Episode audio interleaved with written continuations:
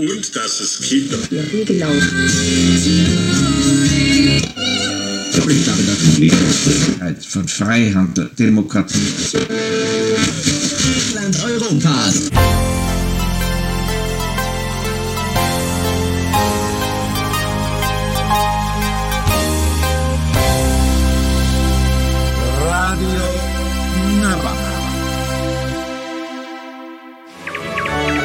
Pareizs radio, radio naba, pareizs laiks raidījumā. Nezāle par vidi cilvēkā un cilvēku vidē katru otro sestdienu, 12. Sveiciens radio naba klausītāji! Esam atkal kopā ar jums raidījums Nezāle, un šodien mēs runāsim par ļoti trendīgu tēmu 21. gadsimta sākumā, un iespējams vēl pēc simts gadiem tā jau būs bēdīgi trendīga tēma, bet nu tik tālu mums ir palēma, mēs vēl nenodzīvot. Protams, mēs runāsim par klimatu pārmaiņām un par klimatu pārmaiņām par zinātniekiem. Vai un kā zinātnieki var mums palīdzēt pielāgoties klimatu pārmaiņām? Un viesos pie mums Rīgas Tehniskās Universitātes profesora Andra Blumberga. Labrīt, Andra! Labrīt! Jautājums uzdod es, Sanita Rībana, un mūziku mums ir atlasījis Digis Taurītis. Tāds pirmais jautājums tāds būs pavisam stulbs. Es vienkārši ik pa laikam esmu iesaistījusies arī dažādās aktivitātēs un saistībā ar vidas organizācijām, un tad mēs saskaramies ar to, ka liela daļa Latvijas populācijas saka, "Nu, kas par muļķībām īstenībā, nu, kādas klimata pārmaiņas un cilvēku ietekmi. Un tad vienmēr ir bijušas klimata pārmaiņas, un, un tad vēl tas ir viens virziens, otrs virziens saka, nu, kā ir saules aktivitāte. Var taču novērot, ir saules dažādi tādi nu, lieli solārie procesi, un ko jūs te par tiem cilvēkiem, tā vienkārši ir liela biznesa un tad tālāk arī tās nobeigts sadalās, vai nu to afēru rīko ķirzeka cilvēki, vai Bills Gates, vai nu, varbūt vēl kādu, ko es nezinu. Kāds ir jūsu skatījums? Nu, es vairāk eh, tomēr sliecos ticēt eh, zinātniskajiem eh, pētījumiem, ka eh, klimata pārmaiņas, tādas kā mēs tās piedzīvojam šobrīd, kas ir pātrinātā tempā, tomēr ir cilvēka uzvedības eh, radītas. eh, Un eh, tas, kas ir pierādīts, ka eh, CO2 eh, radās no enerģijas ražošanas, eh, kur mēs kurinām, eh, dedzinām fosīlos, no transporta, kur mēs izmantojam fosīlos eh, kurināmos. No lauksaimniecības arī radās virkne CO2 no atkritumu ā, neapsaimniekošanas vai apsaimniekošanas, un, un tas radās tik lielos apjomos, ka daba netiek ar to galā. Tad skeptiķi parasti saka, nu, bet nu kā? Nu, kā mēs tā varam spriest? Mums taču ir pieejami tikai dati par varbūt pēdējiem 100 vai 200 gadiem. Vai mēs varam kaut kā apgāzt šo tēzi, vai arī nu, tā, tā, kā, tā kā tādu, ko vajadzētu ņemt vērā?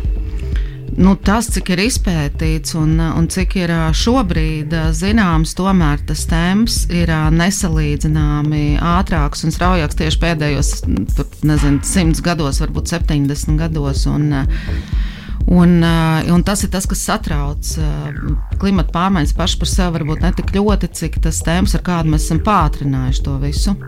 Mums pirms, ā, nu jau man ir laiks mazliet sajūtas, gada diviem, tu vari sakot, nu šajā simtgadē noteikti ciemos bija Reinārs Cilīnskis, mēs runājām par migrāciju, par klimatu pārmaiņām un par, proti, par iespējamību, vai arī mēs savas dzīves laikā varam saskarties ar tādu fenomenu kā klimata bēgļiem. Un, nu, kā es sapratu no viņa, tad, nu, par ko mēs patiešām nopietni varam runāt, ka vairākas teritorijas jau tagad nu, ir, ir viņām risks applūst kaut kur okeānos, un tur cilvēkiem tiešām vairs nebūs mājvietas.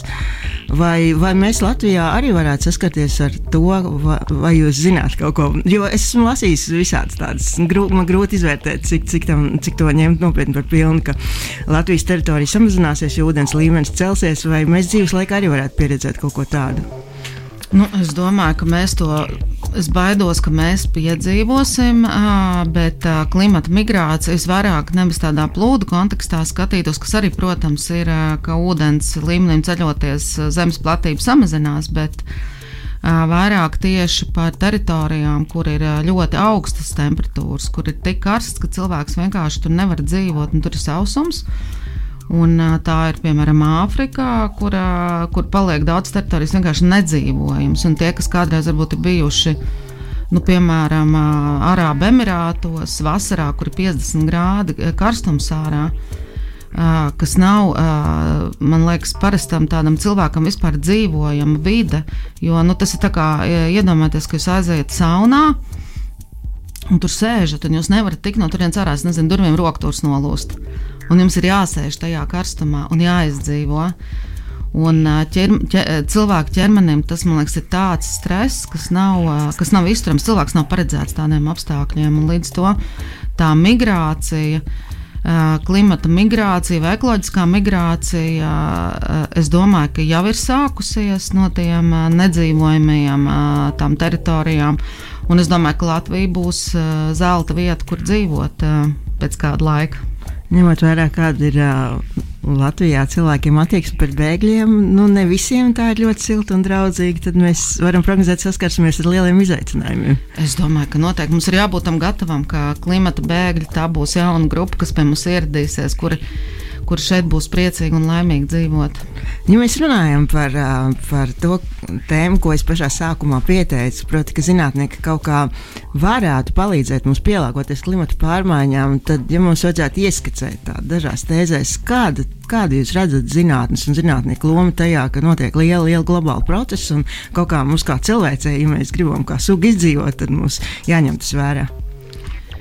Nu, ja skatās vispār uz prognozēm, ko prognozē lielie modelētāji, ja, kas strādā tieši prognozēm tādā globālā līmenī, un tas, kas šobrīd, kā tā nākotne izskatās, ka, ka nauda, ko mēs pelnīsim, nevis mēs liksim labklājības celšanā vai noturēšanā, bet liela daļa naudas nākotnē aizies uz adaptēšanos. Citiem vārdiem sakot, kad notiks kaut kāda kataklizma, mēs naudu tērēsim, lai risinātu problēmas, kas ir radušās no tās kataklizmas. Nu, tas kā piemērs ilustrācijā, kur pagājušā vasarā Vācijā bija plūdi pusstundas laikā, ba bagātākajā rietumē Eiropas reģionā tika nonesta burtiski vairāki ciemi, kur nekas pāri nepalika. Un runa bija par miljārdiem, lai, lai šos ciemus atjaunotu. Mēs redzam, Amerikā, ja, kur ir tornado un visādas citas problēmas, ja tsunami un tā tālāk, uh, mēs runājam par milzīgām naudas summām. Mums būs jāiemācās sadzīvot. Ja, un, un, piemēram, arī mēs runājam par atjaunojumu energoresursu izmantošanu, hidrostacijas kā vienu no iespējām, mēs zinām, ka ka ūdens, kas nāk šajās hidrostacijās, nāk bieži vien no kalniem, kur kūst ledāji, un, un tās hidrostacijas darbojās. Mēs zinām, ka sausajos gados var arī sniegt daudzumu samazinoties.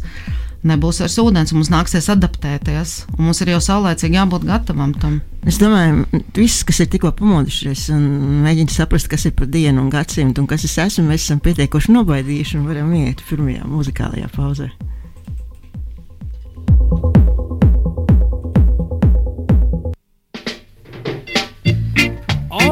Get ready.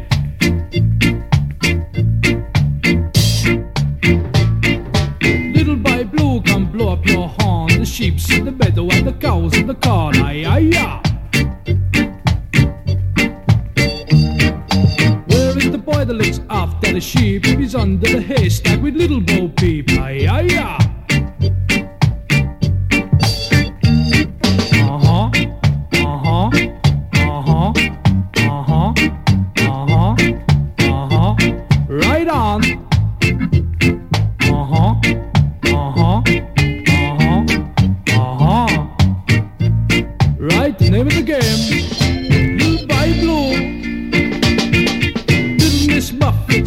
Knickers all tattered and torn. It wasn't a spider that sat down beside her, his little boy blue with the arm. Uh huh, uh huh, uh huh, uh huh. Right on, here we go. Icky taka, ticky taka, ticky taka, taya. Whoop, taya, pussy catch a fire. Name of the game, Little by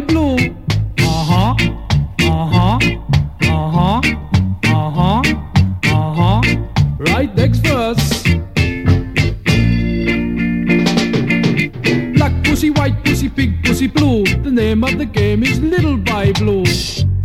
I. Uh huh. Uh huh. Uh huh. Uh huh. Right on. Rasta for I, Rasta for me, little by blue in a ganja tree. Smoking the weed,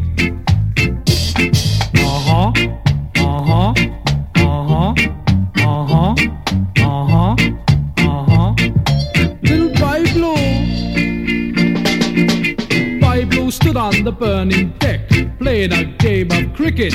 The ball rolled up his trouser leg and he stumped his middle wicket. Uh huh, uh huh, uh huh, uh huh.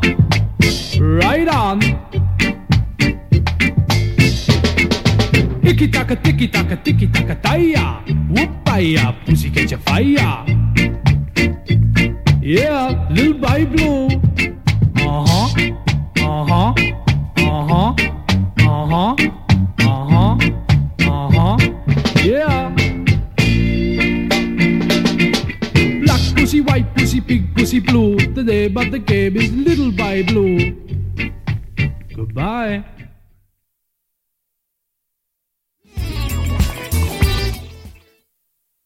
Esam atpakaļ gaisā. Šodien ar jums kopā Radio Nezāle. Runājam mēs par klimatu pārmaiņām un par to, ko var darīt zinātne.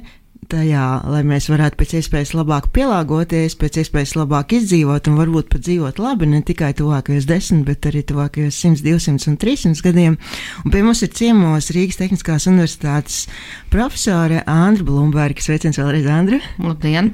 Jautājums uzdod es, un Rībēna mūzika mums ir atlasījis Digis Taurīts, un pirmajā raidījumā, ievadaļā, pirms pirmās muzikālās pauzes, mēs mazliet ieskicējām situāciju, lai jūs visus nobaidītu, un turpmākajā raidījuma daļā mēs gan jau iespējams nebūsim tik depresīvi, kaut gan solīt nevaru, visādi var būt, mēs varbūt mēģināsim saprast, kā tad mēs varam ar to sadzīvot. Un tas līdzīgi kā vilciena katastrofā, kad vilciens ātri brāžās uz priekšu, tur priekšā ir krauja un iespējams ir kaut kāda risinājuma. Ja mēs metaforiski mēģinātu salīdzināt cilvēci ar, ar kaut kādu katastrofu, tad kurš piemērs vislabāk derētu, tas vilciens vai kaut kas cits? Nu, vispār runājot par, par klimatu pārmaiņām un kā cilvēkiem pateikt, jeb skaidrot, kas tas vispār ir un kas mūs sagaida. Jo, jo tā kā parastam cilvēkam pasaka klimata pārmaiņas, neviens īstenībā nesaprot. Pārāk liels. Tas ir kaut kas pārāk liels, neredzams, nesataustāms, nesaužams, nedzirdams. Un kāpēc baidīties no kaut kā, ko nu, kā nav vienkārši, ja? kad, kad tas pat nav nezināms, vienkārši tā nav. Un, un tad ir daudz komunikācija cilvēku pētījuši, nu kā komunicēt, jā, vispār klimata pārmaiņas. Un pirmais, protams, kas nāk prātā uzreiz, ka jāsāk biedēt. Nu, tāda klasika. Tā nu, tāda klasika. Mēs pabiedēsim, viss tagad nobīsies un sāks kaut ko darīt. Bet kas ir interesanti, ka ir notiek tieši pretējais ka tad, kad uh, klimata pārmaiņas tiek salīdzināts ar Armagedonu, tiek redzējuši filmu par Armagedonu, kur uz Zemi lido liels meteorīts, kas iznīcinās Zemi.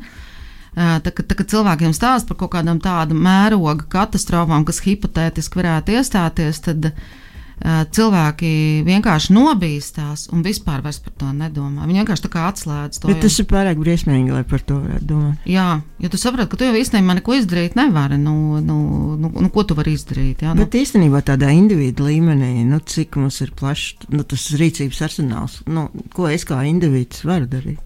Jā, un te ir tā lieta līdzīgi, ja mēs runājam līdzībās ar Covid-19 ka, ka ir kā tā liela problēma, nu, ko tad es viens pats, bet tieši es viens pats ir tā kritiskā lieta, ka katrs individuāli darot kaut ko, var novērst uh, katastrofu. Un tas ir tas paradoks, ka tad, kad, tad, kad ir mūsu iesaiste vajadzīga katra indivīda, un mēs varam sasniegt vislielāko efektu, ir vismazākā iespēja, ka mēs to darīsim. Jo ko tad es viens pats, es no rīta sēžu uz Vanšu tilta sastrēgumā mašīnā. Un ir skaidrs, ka no vienas puses, ja mēs visi, kas sēžam tajā maš, tajās mašīnās, sakāpt autobusā, mēs pārbraukt pāri tiltam minūtes laikā. Nevis mēs tur pusstundu sēžam katrs savā mašīnā, bet mēs to nedarām. Mēs turpinām sēdēt. Jums liekas, nu kā es izkāpšu, tagad iekāpšu autobusā, pārējie. A, kāpēc pārējie brauks ar mašīnu? Un tā ir tā problēma par kolektīvo darbību ko mēs darām, kad ir vajadzīga kolektīva darbība, kur katram ir kaut kas jāizdara. Man ir liels kārdinājums pakučetēt ar ideju par autoritāru pārvaldes stilu. ne, es vienkārši pat kāpēc to saku, es pirms kaut kādiem pāris gadiem biju vienā tādā, nezinu, kā lai nosaukt tādā tā kā mācību treniņā. Un, nu, izklausās, protams, piedauzīga līderība un tādas lietas, nu, nepiedienīgi.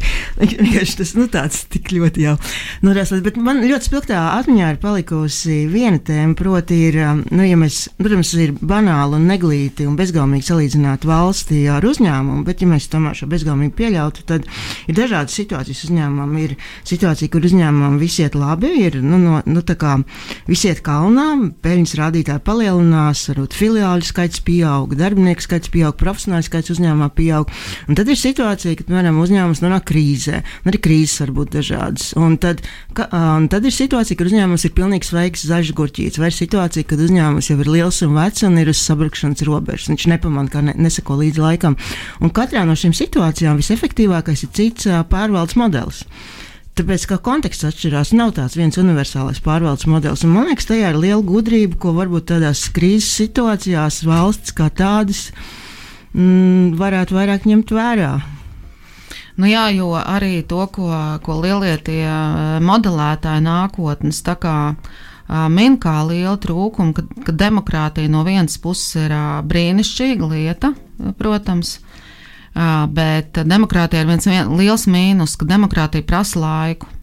Jebkurš demokrātisks process ir ilgs, jā, tāpēc, ka mums ir jā, visiem, visi viedokļi jāņem vērā. Uh, Un uh, klimata pārmaiņu kontekstā, diemžēl, uh, laika mums vienkārši nav. Mums nav laika diskutēt. Un tāpēc ir, uh, piemēram, radikāli zaļie, tie, kas ir tādi īsti radikāļi. Uh, viņiem ir viena daļa no viņiem, uh, viņiem ir dzīve tā ideja par autoritārismu, ka, ka autoritārisms ir risinājums. Vienmēr sakot, ir kaut kāds līderis, kas tagad pasaka visu Tagad slēdzam visas ogļu stācijas, visas eh, dabas gāzes stācijas, visu slēdzam ciet, pārējām uz atjaunojumiem, samazinam enerģijas patēriņu. Nepļāpājam par to, kāpēc tur kaut kāda dabas gāze tagad izrādās ir tīrais kurināmais, jā, kāpēc tur atomenerģija kaut kas baigi vērtīgs. Vienkārši daram tā, kas ir, protams, kārdinoši. Bet mēs zinām arī autoritārismam arī visus lielos mīnus. Ja, un, un, un tas ir visu laiku tas, tā dilēma, kā nu, ka ir vajadzīgs vadītājs, jeb vadonis vai procesa virzītājs, kas ir tāds progresīvs un kurš spēj to ideju par tām klimata pārmaiņām kā, pārdot vēlētājiem. Man vajadzīgi vēlētāji, kuriem to gribās dzirdēt, kas arī, protams, ir svarīgi. Runājot par um, Nu, es vienkārši klausījos, es tā iedomājos, tāda ideālās pasaules vīzija. Nu, ir ir, ir nu, tāds pārvaldes modelis, ko mēs visi akceptējam, jo dzīvojam 21. gadsimtā un, un Eiropā vismaz nu, gribam būt Eiropā. Nu, tā tad skaidrs, tas diez vai būs kaut kas īpaši autoritārs šobrīd. Un tad, uh, Tad tāda viedo padome, kuru padomā ieklausās. Un es atceros, tad, kad es lasīju klimata likuma anotāciju, tad tur viena no tādām lietām, kas bija minēta, ka ir zinātnieku padome, kur es tā tieši iztēlojos, sēž tāda vīrs ir man vārdā un viedas sievas. Un, un uh, saka, nu, tā ļaudis, mums ir tāda un tāda dati, un, un to noteikti nevajadzētu darīt, un tā vajadzētu darīt. Kā tas uh, būtu realitātē? Jo skaidrs, ka tā ir tāda vienkārši tāda fantāzija no manas puses. Nu, es gribētu tomēr teikt, nu, labi, tas viedums, protams, un tās idejas, un tas tā virziens, uh, nu, ja mēs iedomājamies tādu grupu, ka viņi parādītu virzienu, bet, uh, protams, kritiski svarīgi ir katrs tas cilvēks, ko viņš dara, un ka viņam tas kļūst svarīgi.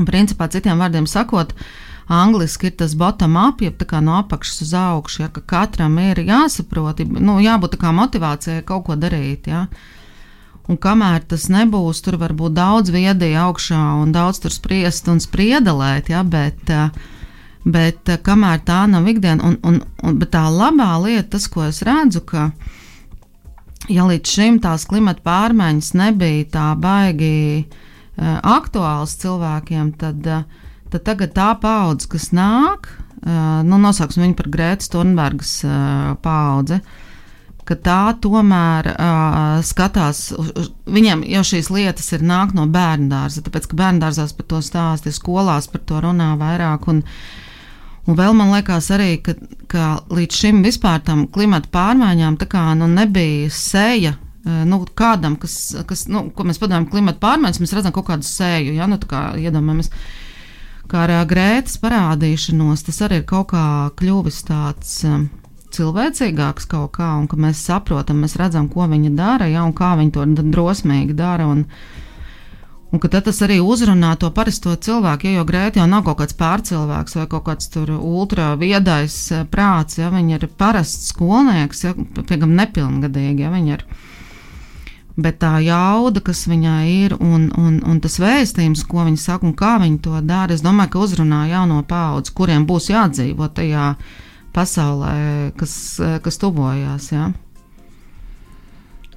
Kā Latvija izskatās vispār tādā Eiropas un globālajā kontekstā? Jo līdz šim, piemēram, runājot par tādu nosacītu, nezinu, mūsu tādu ekostatusu vai tādu zaļumu, mums ir ļoti paveicis ar to, ko mēs esam vienkārši mantojuši. Mums ir ūdeņi, mums ir salīdzinoši, nu, protams, salīdzinoši liela bioloģiskā daudzveidība, mums ir augu, viss kaut kas tur kociņi un puķītis, un, un uz tā rēķina mēs izskatāmies, un mēs esam nosacīti nabadzīga valsts no Eiropas līmenī. Kā mēs izskatāmies klimata pārmaiņu kontekstā Eiropā un pasaulē? Nu, pirmkārt, man jāsaka, ka mēs galīgi neesam nabadzīga valsts. Nu, Eiropas kontekstā varbūt mēs esam nabadzīgi, bet pasaules kontekstā mēs esam bagāta valsts. Tas ir arī, arī stāsts par to, ka mēs esam ļoti zaļi. Arī uh, ir tāds, uh, es gribētu teikt, tāda runga ar diviem galiem. Uh, Mums, protams, ir daudz meži un, un daudz ūdeņu un viss pārējais. Mums ir arī lielāka hidrospēkstacija, un vienlaikus mums ir arī oiks, mēs atceramies, ja, un, un obligātā iepirkuma komponente, kurā mēs visi kolektīvi maksājam milzīgas naudas summas par fosilajām elektrostacijām. Uh, un, un šī vieta no klimata viedokļa galīgi nav draudzīga. Mums ir vecs, novecojis autoparks, kas ir liels CO2 izmešu avots. Mums ir lauksaimniecībā pietiekami liela CO2 izmeši.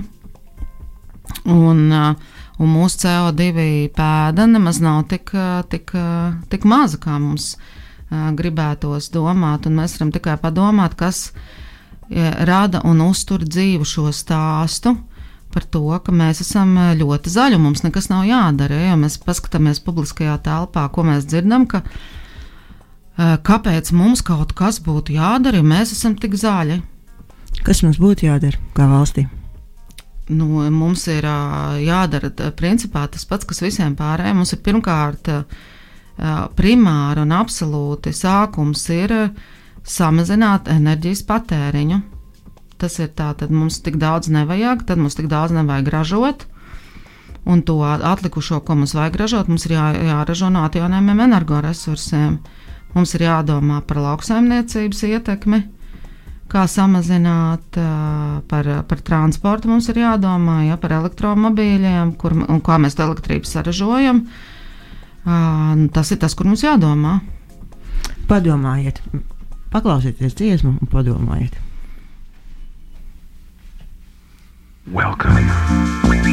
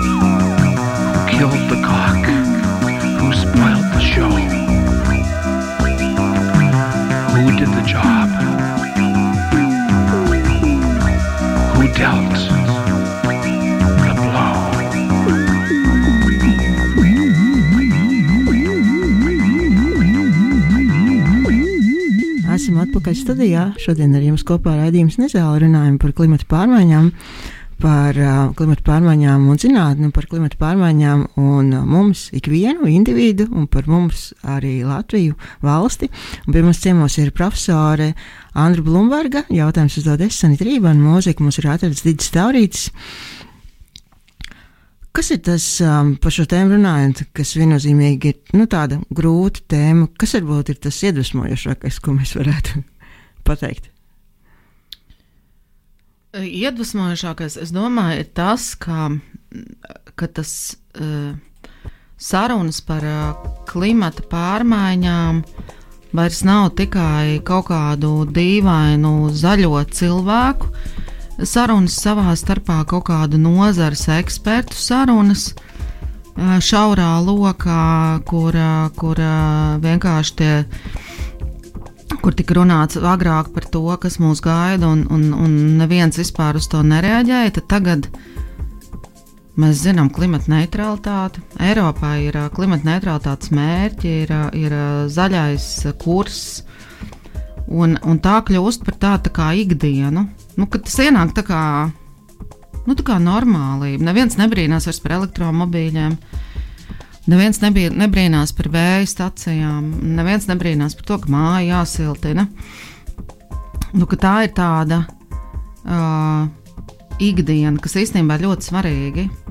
Un tad, uh, tad nav vairs par to jācīnās un kādam jāspiež to darīt. Bet mēs vienkārši to darām. Un tā ir tā vien, vienīgais jautājums, kas, ir, kas, kas varbūt ir būtisks, ir, vai mums pietiks laika to visu izdarīt, paspēt izdarīt. Ir vēl tāda ķecerīga doma, varbūt arī plebeiska doma, kas man, piemēram, ik pa laikam ienāk prātā. Um, es nevarētu laboties, ka es uh, ļoti perfekti pārzinot globālos procesus, bet uh, nevar nepamanīt, ka ir lielāks spēlētājs šīs planētas un mazāks spēlētājs. Ir tāds nu, cilvēks, tāds, kurš varbūt nopelna sev un saviem maisaimniecības dalībniekiem, un tad ir cilvēki, kas ir bijuši veiksmīgāki un gudrāki un iesaistīti, nu, tādas, sauksim tās par korporācijām un tādiem lieliem spēlētājiem, un viņiem ir gan gudrība, gan ietekme, un arī viņi rāda um, un ietekmē lielus procesus, tā skaitā klimata pārmaiņas, un tad ik pa laikam uh, gan internetā parādās, gan arī grūti neaizdomāties par to, vai nesanāk pārāk liels tāds. Pat arī komunikācijas ziņā tāds uh, svars uh, uzlikts uz tādu parasto vienkāršo cilvēku pleciem, ja ir tādi lielie spēlētāji, kuriem nu, vajadzētu saņemties un vienkārši veikt vairākas izmaiņas, un mums visiem būtu labāk. Uh, nu, jā, jo, uh, un, un tas, protams, tā ir problēma. Tas, ko mēs neredzam, ir uh, transnacionālās korporācijas. Tas ir uh, par ko daudz arī vidas cilvēki runā. Ka, uh, ka tā ir ilūzija, ka mēs dzīvojam kaut kādā brīvajā tirgu, kaut kādā brīvajā ekonomikā. Viss ir tāds ļoti relatīvs. Jo patiesībā, ja mēs paskatāmies, tad uh, uh, pār pasauli, jeb uh, IKP lielo rada dažas nu, daži, nu, es domāju, kaut kādi pārsimts transnacionālās korporācijas, kas ir milzīgi uzņēmumi, kuru vāra naudas izteiksmē ir daudz lielāka nekā valstīm, lielākai daļai valstu. Un to dienas kārtību pa lielam diktē tieši šīs transnacionālās korporācijas. Jautājums ir, kāda ir viņa interese kaut ko mainīt un mainīties. Ja viņa vienīgā interese ir pelnīt vairāk, un, un, un tas, protams, ir tāda būtiska lieta. Un tad ir jautājums, kas ir šie cilvēki, kas vada šīs, šos uzņēmumus. Un te man ir jāsaka, ka, ka es varētu teikt, ka e, šeit e, Freida un Junga teorijas e, savienojas ar klimatu pārmaiņām. Un tas tāds interesants tāda lieta, ka, ka pēdējā laikā neirozinātnieki un, un tie, kas nodarbojas ar psiholoģijas dažādiem pētījumiem, uh, ir nonākuši pie tādas interesantas atziņas, ka, ka cilvēks ir primāts, kas ir orientēts uz sadarbību un kuram ir sirdsapziņa, un ik viens no mums tāds ir. Un jautājums, kā tas ir tā, tad um, tagad ir klimata pārmaiņas, kur ir vajadzīga sadarbība, un mēs nesadarbojamies. Un uh, bieži vien mēs to nedarām, tāpēc, ka mums nav sirdsapziņas. Un, uh, Un te ir nāk arī atbilde, ko viņi sniedz, un tad nāk Frēds ar Jungu iekšā. Uh, kuri jau, jau, jau savā laikā pierādīja, ka visi mēs nākam no bērnības, protams, un uh, tie, kas bērnībā ir uh, cietuši no vardarbības, Viņi, protams, nav orientēti uz sadarbību, viņi ir orientēti uz sacensību. Viņi ir orientēti uz to, ka viņiem ir jābūt lielākiem, bagātākiem, varenākiem, lai viņi, lai viņi varētu iegūt to, ko viņi nav saņēmuši bērnībā. Un, tāpēc viņi, protams, nesadarbojās. Viņi sadarbojas tikai savā, savā, savu vajadzību vadīt, un, un viņiem arī bieži vien ir problēmas ar sirdsapziņu. Un, uh, daudz pētījumu arī rāda, kas ir šādu lielu uzņēmumu vadītāji, kāda tipa cilvēki tie ir. Ja? Un, un, un tie bieži vien nav uh, cilvēki ar, ar īpaši izteiktu sirdsapziņu un vēlmi sadarboties. Viņi vairāk orientēti tikai uz sevi un savu labumu. Un, un tā, protams, ir problēma. Mēs kā maza tāda kompakta valsts, mēs varam kaut kā, nezinu, nu skaidrs, ka mēs nevaram norobežoties no tiem procesiem, bet te pašā laikā es ik pa laikam iedomājos, mēs taču esam tik no vienas puses maziņi, bet te pašā laikā mēs esam lielāka valsts kā vairākas citas Eiropas valstis, kuras ir krietni veiksmīgas un rodas iespējas, ka viņi labi sadarbojas. Un, Un jūs esat iekšā tomēr kaut kādos tādos, nu, no zinātnes perspektīvas, skatoties kaut kādos procesos, jums ir bijis iespēja vērot. Nu, labi saprotu, arī Grētas Thunbergs paudze, bērndārznieki un varbūt mums nākotnē ir cerība, bet uh, kur varbūt ir tās lielākās, ja tas būtu kā kuģis, ja mēs kā valsts būtu kuģis, tās noplūdes, kur mēs varētu uzlabot savu darbību un kur mēs jau esam veiksmīgi, lai kaut kā izturētu tajā vētrā, cik tas ir iespējams, protams, tādam vienam kuģītim globālā vētrā. Nē, nu mums jau ir ļoti daudz mājas darbu, kas mums ir jāveic, ko mēs vēl joprojām neesam veikuši. Uh, mēs dzīvojam 30 gadus neatkarībā. Un uh, mēs, uh, tie, kas brauc ār, ārpus pa pasauli, zina, ka ir uh, ļoti daudzās valstīs vēja stācijas, piemēram, ikdienā mēs braucam, visu redzam. Un uh, mums, kā ir uh, tās 11 vējas uh, turbīnas, kas mums tur pie liepājas ir, tās joprojām arī ir, un vairāk nekā cita mums nav. Un, uh, protams, ka vējš mums ir, un, un mēs varam izmantot vēja stacijas, bet mēs to nedarām kaut kāda iemesla dēļ. Ilgus gadus Latvijā valdīja mīts, un joprojām ir plaši izplatīts, ka Latvijā saule nespīd. Tāpēc mēs nekādu saules enerģiju iegūt nevaram. Bet, ja mēs paskatāmies tepat Salaspīlī, liels saules kolektora lauks, Stāvli izrādās spīd un spīd pietiekami daudz. Mēs, mums ir piemēram ļoti izplatīts mīts par to, ka priekš kam ir jāsiltina mājas, kuras sienas biezums jau ir 50 centimetri. Tas tāds ārkārtīgi izplatīts mīts. Nu, jā, bet ja šo mītu pašķetina vaļā, tad izrādās, ka svarīgs ne tikai sienas biezums, bet arī citas fizikālās īpašības, kas piemīt šiem materiāliem, citiem vārdiem sakot, spēja vadīt siltumu. Līdz ar to mums ir jāveic mājas darbs. Pirmkārt, mums ir jātiek galā ar mītiem, kas ir radušies. Un mīti, kā mēs zinām, nerodās paši no sevis. Viņi nenokrīt ar sniegu kopā, vai neatbrauc ar kādu kuģi, vai pēkšņi ar kādu burbuļu noņu netiek uh, uzburti. Mī, es gribētu teikt, ka mīti ir apzināti radīti. Un, un mums ir jātiek galā ar mītiem, un mītiem var tikt galā tikai skaidrojot, un stāstot, un stāstot, un stāstot, un stāstot, un pierādot, un rādot. Un, un te nāk, protams, tas zinātnieku uzdevums - stāstīt, rādīt un skaidrot. Es domāju, saistībā ar, nu, man gribētu vismaz tā domāt, ka saistībā ar māju siltināšanu mums tomēr palīdz gan klimats, gan arī cenu kāpums. Jā, vai arī vai protams. tas tāds na naivs priekšstats? Nē, ar māju siltināšanu tā es 20 gadus ar šo lietu nodarbojos. 20 gadus atpakaļ aizstāvēju savu disertāciju. Un disertācija bija par, par tādu aprēķinu rīku priekš kur var izaicināt, eh, kā eh, vislabāk siltināt ēku. Un toreiz, kad es aizstāvējos, tad eh, tā profesora padoma, kuras to, to darbu aizstāvēju, man tas padoms priekšsādātājs teica, kolēģi, es nesaprotu, par ko vispār ir šis darbs, kam tas vispār ir vajadzīgs, kas tas vispār ir ēku siltināšana. Un kuru tas vispār ir ir pagājuši 20 gadi, Un tā ir ikdiena. Un, uh, kādam tā ir ikdiena, kādam nē, un mēs redzam, ir pilsētas, kur viss mājas nosiltināts, pilsētas, kur nekas nav darīts. Kas ir tās pozitīvās pilsētas? Uh, nu, pati pirmā, kas tādā tiešām plašā mērogā to siltināšanu veids, tā bija Valmiera. Un uh, iemesls tam bija tā laika pilsētas vadība, kurā vienkārši uh, ar tādiem it kā vienkāršiem paņēmieniem uh, radīja cilvēkos interesi. Viņi aktīvi ar to strādāja un, un, un panāca to, ka tās mājas ir nosiltinātas. Līdzīgi ir Liepājā, kur arī ļoti, ļoti labi pašvaldība strādā kopā ar apsaimniekotāju. Viņi strādā ar iedzīvotājiem un viņi panāk mājas siltināšanu. Kuldīgā līdzīgi Un tad mēs redzam Rīgu, kurā ir vislielākais daudzdzīvokļu māju īpatsvars. un kur ir siltinātas. Nu, labi, tagad ir pāri pa simts mājām, bet, uh, bet tas ir niecīgs daudzums no kopējā tā māju skaita.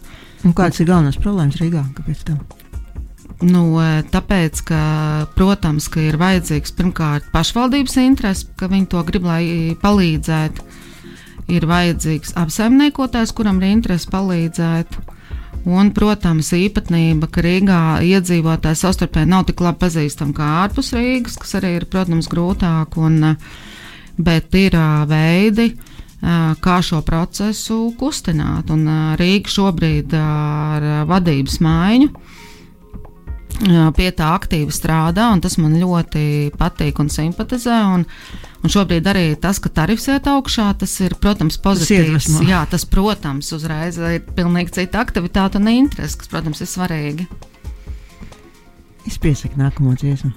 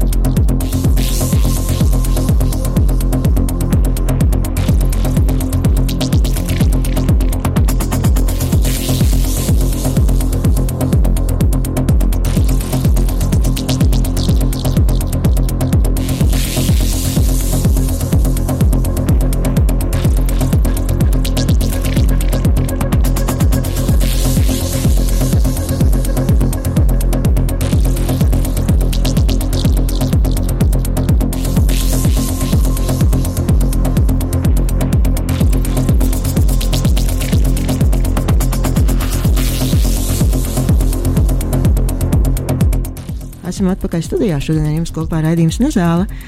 Radio Naba runājam mēs par klimatu pārmaiņām, par to, ko zinātnē, precīzāk zinātnieki var darīt, lai mums palīdzētu tajās būt. Ciemos pie mums ir Rīgas Tehniskās Universitātes profesora Andra Blumberga. Jautājums uzdot Sanita Rībana, mūziku mums ir atrasts Digis Traurīts, un raidījums pamazām tuvojas izskaņai, ja mums vajadzētu tā kā kopsavilkt un um, iedot cilvēkiem, īpaši tiem, kas tikko pamodušies, jo sestdien taču var acis un slinki ir ieslēguši radio vai varbūt aplikāciju un ko klimata pārmaiņas, ko zinātne, kas būtu varbūt tās galvenais, svarīgākais, ko mēs gribētu vēstīt tautai.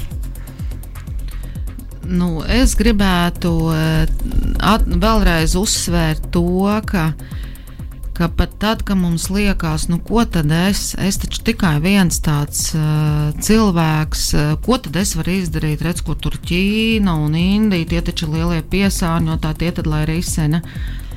Un tomēr uh, katram no mums ir uh, savs uzdevums, kas mums ir jāpilda. Mums, jo no klimata pārmaiņām mēs varam paglābties tikai darot lietas kopā. Tas, tas ir neizbēgami. Vai tas ir, ka mēs vienojamies ar kaimiņiem un nosiltinām māju, vai tas, ka es uh, nomainu veco kaut kādu leduskapu, kas uh, nenormāli rīja elektrību, uh, pret kaut kādu uh, jaunākas klases leduskapi vai uh, es nomainu kvēlspūdes ar lediem. Un tas tāds vienkāršs lietas, ko katrs no mums var izdarīt. Un, un uh, meklēt uh, vēl iespējas, kā samazināt ietekmi uz vidi un pāriet uz vidē draudzīgākiem transporta līdzekļiem, tiklīdz tas būs iespējams.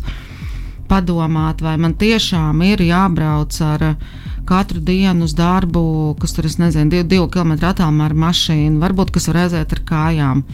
Varbūt es varu aizbraukt ar riteni beig beigās, varbūt es varu braukt ar sabiedrisko transportu. Man nav obligāti visur jābrauc ar mašīnu.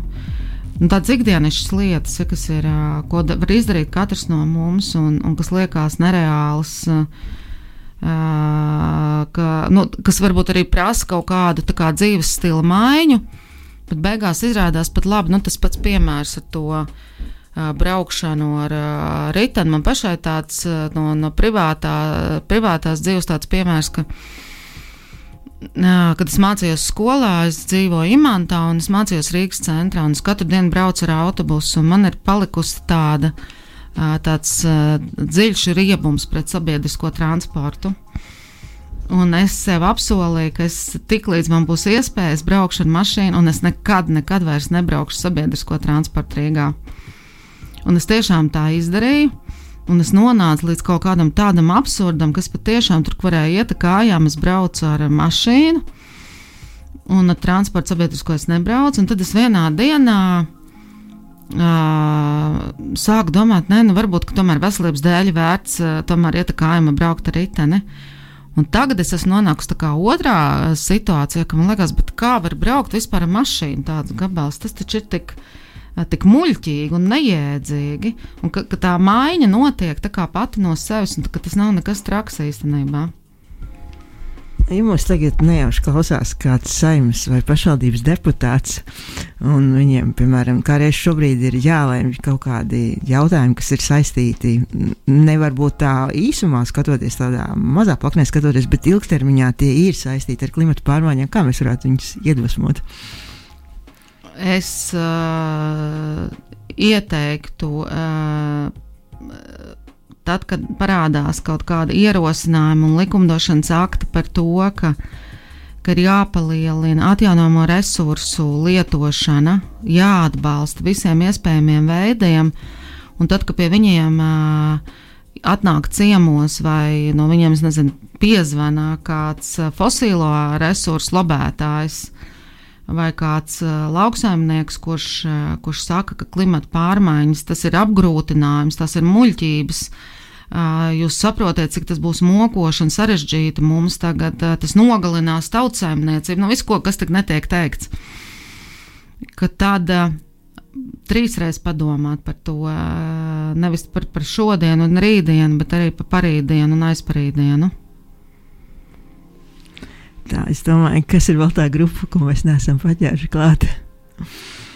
Mēs tā kā likumdevējiem ieteicām, cilvēkiem parastiem ieteicām. Nu, varbūt tā globāli. Es domāju, ja mentāli ir jāpierāda. Es atceros, mums kaut kādā bija raidījuma viesis. Es vairs neatceros, kurš no viņiem teicis, ka klimata pārmaiņas jau nevajag skatīties tikai tādā perspektīvā, ka tas ir kaut kas slikts. Uz to vajag patiešām skatīties kā uz pārmaiņām.